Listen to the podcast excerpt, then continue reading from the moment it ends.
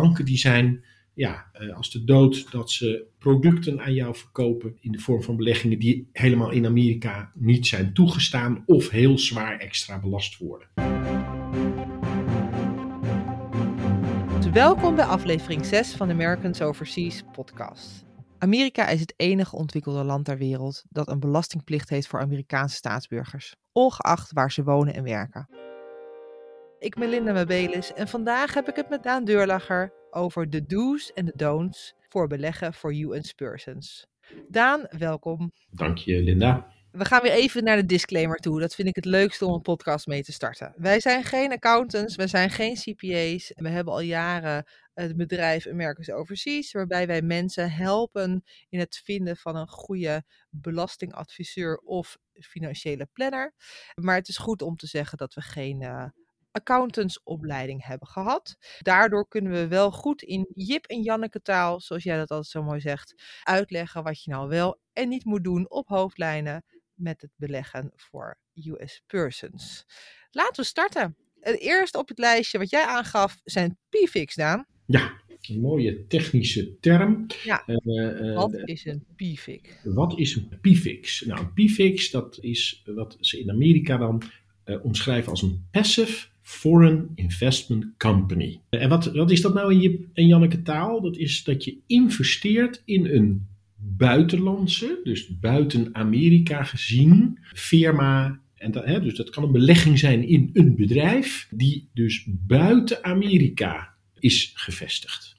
En het woordje passive wil zeggen dat je passief investeerder bent. Dus je bent daar niet werkzaam, je bent niet directeur, groot aandeelhouder in dat bedrijf. Nee, je bent belegger. Dat is een PFIX. En een PFIX is, is een no-go. Dat, is, dat, dat moet je niet hebben.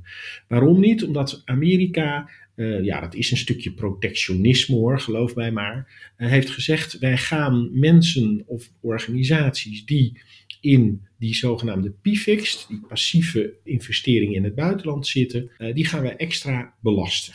Ja, dat dus vinden ze niet leuk.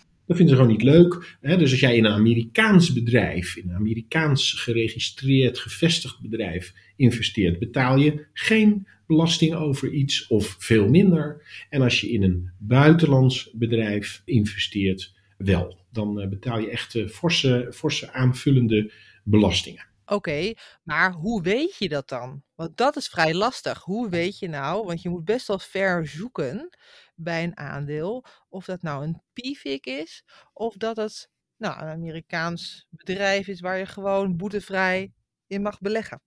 Ja, ga er maar vanuit dat je het gewoon niet weet. Kijk, als jij een depot bij jouw uh, bank in Nederland uh, hebt, een beleggingsportefeuille, dan weet jij niet, zelfs jouw accountmanager weet vaak niet, waarin jouw bank vervolgens, in wat voor bedrijven jouw bank vervolgens allerlei investeringen heeft zitten.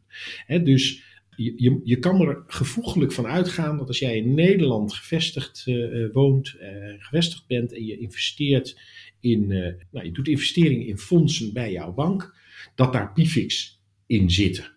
Dat is ook de reden overigens waarom banken uh, panisch zijn om jou überhaupt nog bij hun te laten beleggen. Je kan, je kan geruststellen dat, dat 95% en meer van de mensen die wij helpen niet meer bij hun Nederlandse bank uh, hun, hun aandelenportefeuille kunnen aanhouden. En dat heeft hiermee te maken. Die banken die zijn ja, uh, als de dood dat ze producten aan jou verkopen in de vorm van beleggingen die helemaal in Amerika niet zijn toegestaan of heel zwaar extra belast worden. Dus als jij een uh, depot hebt, een beleggingsdepot hebt bij jouw uh, bank, waarvan jij niet weet, ik zit in aandeel Shell, ik zit in aandeel Philips, ik zit in aandeel X, Y en Z, ja, dan, dan zit je in PIFIX en dan heb je een probleem. Ja, dat moet je echt mijden. Zit je er wel in en luister je nu aan deze podcast en heb je een heel aandeelpakket waarvan je denkt, oh jee, laat het ons weten. Contact americansoverseas.org. We hebben een aantal financiële planners in het netwerk die niet alleen verstand hebben van welke aandelen, pakketten of aandelen moet je wel hebben, maar ze kunnen je ook helpen met het omzetten van de huidige aandelen die je hebt, bijvoorbeeld PFIX, naar uh, goede aandelen die dus uh, niet extra beboet worden bij je belastingaangifte. Mhm. We hebben het altijd best wel vaak ook over van, goh, als je een US person bent in het buitenland, bijvoorbeeld in Nederland, België of omstreken Europa, ja, dan word je benadeeld, want je moet nog een keer belastingaangifte doen. Maar er zijn natuurlijk ook nog voordelen. Doordat je Amerikaan bent, maakt dat je bijvoorbeeld andere pensioenmogelijkheden hebt. Andere mogelijkheden hebt om pensioen op te bouwen. Nou, daar die willen we heel graag kort noemen, zodat je weet dat ze bestaan. Dat zijn IRA's en Roth IRA's. Deze pensioenmogelijkheden, ja, die gaan voor je open als je een US person bent. En wellicht is dat nou net voor jou een mogelijkheid om een uh, goede investering te doen om pensioen op te bouwen. Uh, ook daarvoor uh, moet je bij een specialist terecht om dat uit te laten zoeken of dat voor jou interessant is. Maar weet in ieder geval dat er nou, meer is dan alleen de pensioenmogelijkheden in Europa. Klopt, waarbij uh, aangevuld moet worden dat je, omdat je ook in het land waar je woont uh, belastingplichtig bent, dus en de Amerikaanse kant daarvan moet bekijken van wat zijn daar de voordelen ja. van, van zo'n zo'n IRA.